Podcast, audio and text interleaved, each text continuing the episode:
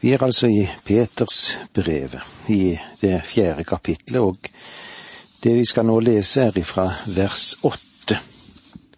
Fremfor alt skal dere elske hverandre inderlig, for kjærligheten dekker over en mengde synder. Peter taler her om relasjonene mellom de troende. I ordspråkene så står det slik i det tiende kapittel vers tolv.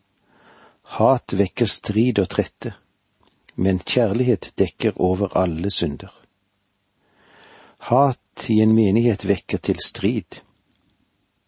Den lille klikken står imot den gruppen, og disse menneskene har motvilje mot det som er annerledes, og det finnes så mange slike falske murer mellom oss. Men kjærligheten bryter ned alt dette det er utrolig hvor lite som skal til før mennesket lar seg irritere og lar seg provosere.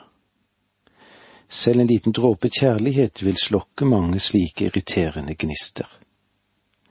Fremfor alt skal dere elske hverandre inderlig, for kjærligheten dekker over en mengde synder. Den innbyrdes kjærlighet, den må ikke være slapp eller lunken men den skal være energisk. Broderkjærligheten skal være intens. Den skal være vedholdende, og den skal være trofast. Den samme formaningen fikk vi òg oppleve litt tidligere i dette brevet, i det første kapitlet i vers 22. Ved å lyde sannheten har dere renset dere, så dere kan leve i oppriktig kjærlighet til brødrene. Elsk da hverandre inderlig og helhjertet.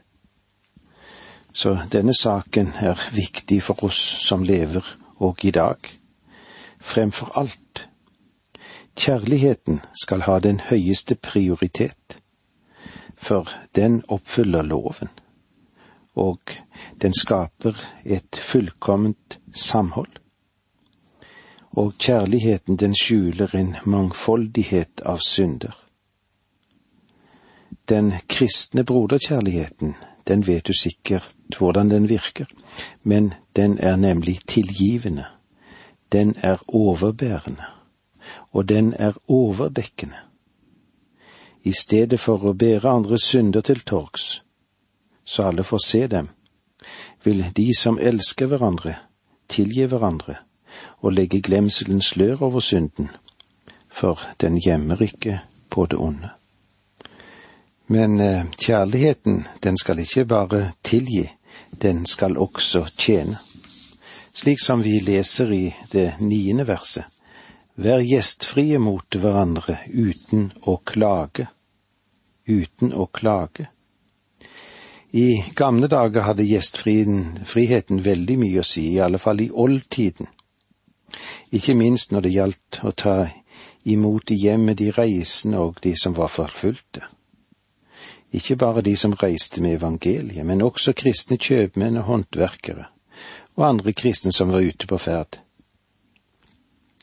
Dersom ikke hjemmene sto åpne for de, måtte de gå inn i offentlige vertshus, og eh, der ville de være utsatt for farer.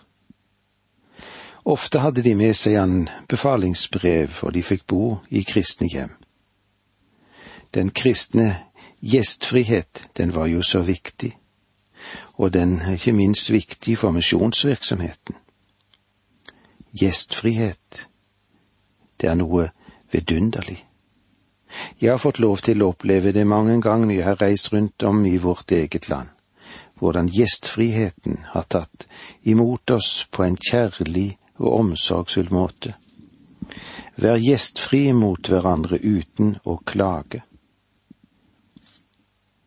Gjestfrihet, det er et privilegium, det. Uten å vite det kan en ha engler til gjester, ja, mesteren selv.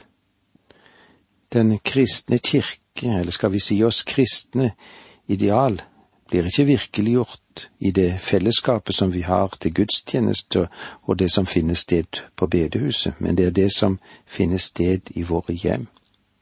Vis gjestfrihet, slik at vi kan få lov til å leve i et kristent samfunnsliv. Vis gjestfrihet mot hverandre uten å klage. Jeg tror at gjestfrihet også kan bli uttrykt på andre måter enn å ta imot mennesker i ditt eget hjem. Gjestfrihet er òg hvordan innstillingen er for å tjene andre, og det kan jo òg gjøres på så mange, mange måter. Men merk deg nå ende inderlig det at det skal skje uten klage. Det vil si med en virkelig varme uten tanke på verken å bli gjengjeldt eller for å vinne gunst. Vers ti Tjen hverandre, vær med den nådegave han har fått som gode forvaltere over Guds mangfoldige nåde. Vær med den nådegave han har fått. Nådegave betyr her en spesiell åndelig gave, og det er mange gaver. Paulus forteller oss i første Korinterbrev tolv at det er ett legeme og mange lemmer, og at kirken, menigheten, er et legeme der det finnes mange lemmer. Lemmer med mange gaver. Jeg vet ikke hvem du er, jeg vet ikke hvilken gave du har. Jeg vet bare at om du er et Guds barn, så har du en gave du har fått til å kunne tjene og bruke overfor andre mennesker. Alle vi som har fått del i Guds nåde, har derfor ufortjent, kan du nesten si, fått en gave, og den skal vi ikke skalte og valte med, etter det vi selv synes er riktig, eller bruke den bare for vår egen del ikke for å bli æret og bli stor, men for å tjene med den. Nådegavens mangfoldighet skal tjene òg til menighetens oppbyggelse. Som kristne er vi ikke herrer over dette, vi er ikke selveiere, men vi skal være gode husholdere over Guds mangfoldige nåde. Vi skal bruke det vi har fått, som trofaste forvaltere under ansvar for Gud, i tjeneste for ham og til ære for ham, og med tanke på at en dag skal det gjøres regnskap for forvaltningen. Det er Guds gode vilje at alle skal ha noe å bidra med, noe å gi, noe å tjene med til velsignelse og til hjelp for andre. Vers 11 den som taler skal se til han taler Guds ord, og den som tjener skal tjene med den styrke Gud gir. Slik skal Gud i ett og i alt bli æret ved Jesus Kristus. Ham tilhører herligheten og makten i all evighet. Amen. Om en forkynner ikke taler Guds ord, så har han lite på prekestolen å gjøre. Vi kan ikke si at vi forkynner Bibelen når vi ikke underviser i Bibelen. Den som tjener skal tjene med den styrke Gud gir. Denne tjenesten dekker ikke bare den som utgjør ordets tjeneste, men også andre tjenester i menigheten. Du skal tjene med den styrke Gud gir. Det vil si, Gud tjener oss aldri halvhjertet, han tjener oss av et helt hjerte. Gud gir oss aldri hjelp på en lunken måte, men alltid med overstrømmende kjærlighet og varme. Og med denne styrke gir Gud at du også skal få lov til å være med og tjene. Slik skal Gud i ett i alt bli æret ved Jesus Kristus, Ham tilhører herligheten og makten i all evighet. Målet for vår tjeneste er ikke at vi skal ha ære, men at Gud skal ha ære. Levi Petrus har skrevet at i vår tjeneste finnes det ikke mer ære enn at Gud må ha det som er. Og det kan vi slutte oss helt og fullt til. Den siste oppgaven for denne tjenesten er at Gud i alle ting må bli æret.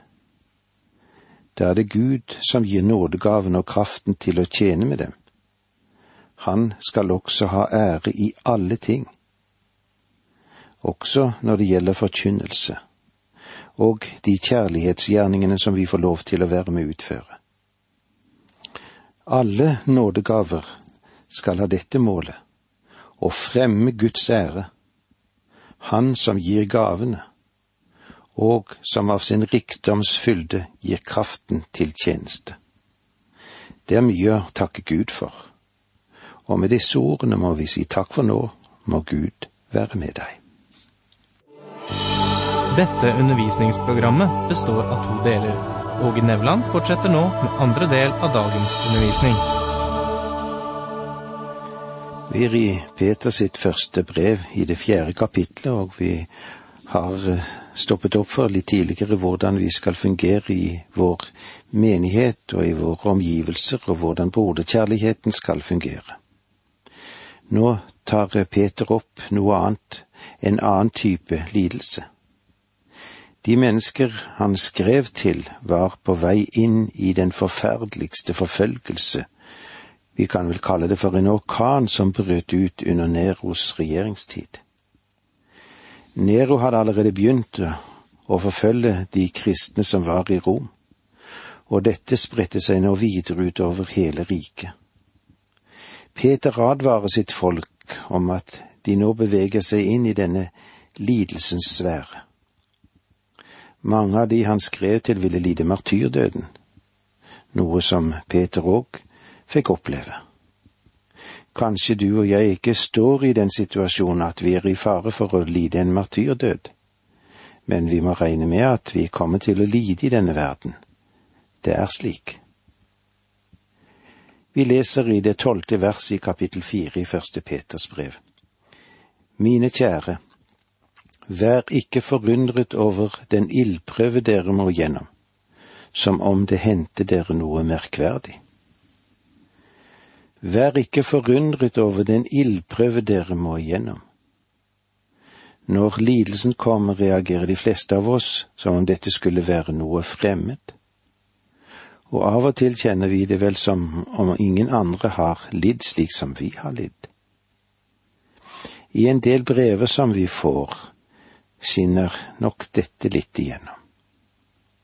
Og det er klart at lidelsen er ofte så personlig at en føler at vi er rammet ganske sterkt. Vi føler det kanskje slik at vi står alene i en slik unik situasjon. Men nå sier altså Peter at vi må kalkulere dette inn i livet vårt. En har formulert det på denne måten. Hvis livet er en lystreise, da vil lidelsen komme som en svær overraskelse. Hvis livet ses på som et felttog, da er lidelsen det vi må regne med. Peter taler her ikke bare om at lidelsen vil komme, men om at den innstilling vi skal ha til det som måtte komme. Jeg vet ikke hva ditt problem er men jeg er sikker på at mange av dere som sitter og hører på nå, har problem. Jeg kan forsikre deg om, det er ikke noe fremmedartet at det er slik. Andre går igjennom det samme, og det er forunderlig hvor mye mennesker har å bære på bak hver eneste gardin når vi virkelig får kikke på innsiden. Ofte må jeg si når vi er ute og kjører, min hustru og jeg, det er ikke et eneste hus som går klar. Alle har noe. Da Paulus ble utvalgt som apostel, sa Herren til ham, Jeg vil vise ham hva han skal lide for mitt navns skyld. Paulus møtte lidelsens yttergrense, og det er kanskje mindre tenkelig at vi skal møte den og at vi ikke kan se på dette som noe fremmedelement i vår tilværelse. Vi faller alle i den grøften og tenker slik fra tid til annen. Den ildprøve dere må igjennom, som om det hendte dere noe merkverdig. Grammatikken her tyder på at de troende allerede var under prøve og lidelse. Lidelse er ikke en tilfeldighet som møter oss i vårt liv. Det er en normal kristen erfaring. Peter sier det slik, si ikke at dette var noe merkverdig, for det er en normal opplevelse som en troende vil ha. Ildprøve. Ildprøve betyr bokstavelig det å bli smeltet i en ovn. David talte om at Gud prøvet han som når sølvet blir kastet i ovnen for å renses. Og dette møter oss gjennom hele Bibelen. Peter har nå nevnt denne ildprøven flere ganger. Han hadde personlig holdt ut i lidelser, og foran ham lå martyrdøden og ventet gjennom en korsfestelse. Og når vi vet som kristne at vårt liv ikke bygger på tilfeldigheter, men er satt inn i en plan, en gudsplan, den planen som Gud har for vår tilværelse, så har han selv lidelsen som målsetting, en hensikt. Vers 13 Gled dere jo mer dere får del i Kristi lidelser, så dere også kan juble av glede når Han åpenbarer seg i sin herlighet. Hvorfor skal vi glede oss i lidelsen? Fordi lidelsen forbereder oss for Kristi komme. Paulus skrev i Romerne 8,17, men er vi barn, da er vi også arvinger. Vi er Guds arvinger og Kristi medarvinger, så sant vi lider med ham. Så skal vi også få del i herligheten sammen med ham. Jeg tror at vi må stå ansikt til ansikt med det faktum at det er ingen snarvei til å leve det kristne livet. Her finnes det ingen enkel resept. Som en har sagt det, det kristne livet er en fest, for det er det han har invitert oss til, frelsens spor, men det er ingen lystreise. Vi skal lide for ham og med ham. Og vi ville få svar på hvorfor dette møtte oss når vi står for hans åsyn en dag. Jeg må få lov til å si at jeg ville synes det var billig å bli sittende ved siden av Paulus i herligheten en dag og sutre over det jeg ikke fikk. Han ville fortelle meg gleden ved sine lidelser. Guds ord gjør det helt klart at lidelse er en del av det kristne livet. Det er elementer i vår tilværelse som utvikler oss. Vi hører mye om hvordan alt tilsynelatende skal være enkelt, frydefullt og elskelig i det kristne ekteskapet, og i det kristne hjem, og i den kristne vandringen. Jeg er ikke helt enig i alt dette. Sorg og smerte og lidelse vil også nå det kristne hjemmet. Ingen av oss går fri, det vet vi alle sammen, og det har betydd uendelig mye for meg at kona mi og jeg har kunnet dra sammen. Når vi får se lidelse lagt bak oss, så opplever vi at det kanskje mer enn mangt annet var hellige øyeblikk, hellige perioder i vår tilværelse. Salig er dere når dere blir spottet for Kristi navns skyld, for Guds ånd Herlighetens ånd hviler over dere. Dette er et forunderlig språk, enten det nå er på gresk eller på engelsk eller hva det måtte være. Salig er dere når dere blir spottet for Kristi navns skyld, sier Peter. For Guds ånd, herlighetens ånd, hviler over dere. Igjen ser vi dette spesielle hos Peter, at lidelsen fungerer nesten som et tegn på at du er et Guds barn. Et bevis på at du er Guds barn, er at du kan holde ut i motgangene. Guds barn har sjelden en sølvskjemunn, det vil si at livet går bare i medvind. Det ser ikke ut til at det er det Gud ønsker, og hvordan han behandler og handler med sine barn. For Guds ånd, herlighetens ånd, hviler over dere. Du kan her herliggjøre Gud hva som enn kommer. Du vet at han vil løse deg gjennom dette du opplever på en eller annen måte. Vers 15 La det bare ikke skje at noen av dere må lide straff for mord, tyveri eller annen ugjerning, eller fordi han har gjort en urett mot andre. Legg merke til at Peter setter mord ved siden av urett mot andre. Han graderer dem ikke. Paulus gjorde det samme. Faktisk, hvis du ser nøye etter, så er Paulus og Peter og Jakob enige med hverandre i alt. De forkynner det samme evangelium som skaper det samme rakryggede kristenliv. Peter sier at vi ikke bør lide på grunn av synd. Gud prøver deg aldri gjennom synd, han prøver deg aldri med det onde, som Jakob redegjorde for i sitt brev. Peter sier, la det bare ikke skje at noen av dere må lide straff og for mord. Vers 16 Men lider han fordi han er en kristen, skal han ikke skamme seg, men prise Gud for dette navn. I stedet for å være skamfull skal han tvert imot lovprise Gud for det kristnavnet som volder lidelse og trengsel. Han skal akte den forhånede kristennavnet som et heders- og lykkenavn. Fordi dette navnet ligger gjemt i Guds nåde og har den evige herlighet og salighet foran seg, og som skal, vi skal få lov til å oppleve til sist. Det er et ærefullt navn, fordi en kristen er kalt etter ham som er Guds sønn og verdens frelser og Herre. Og med disse ordene sier vi takk for nå, må Gud være med deg.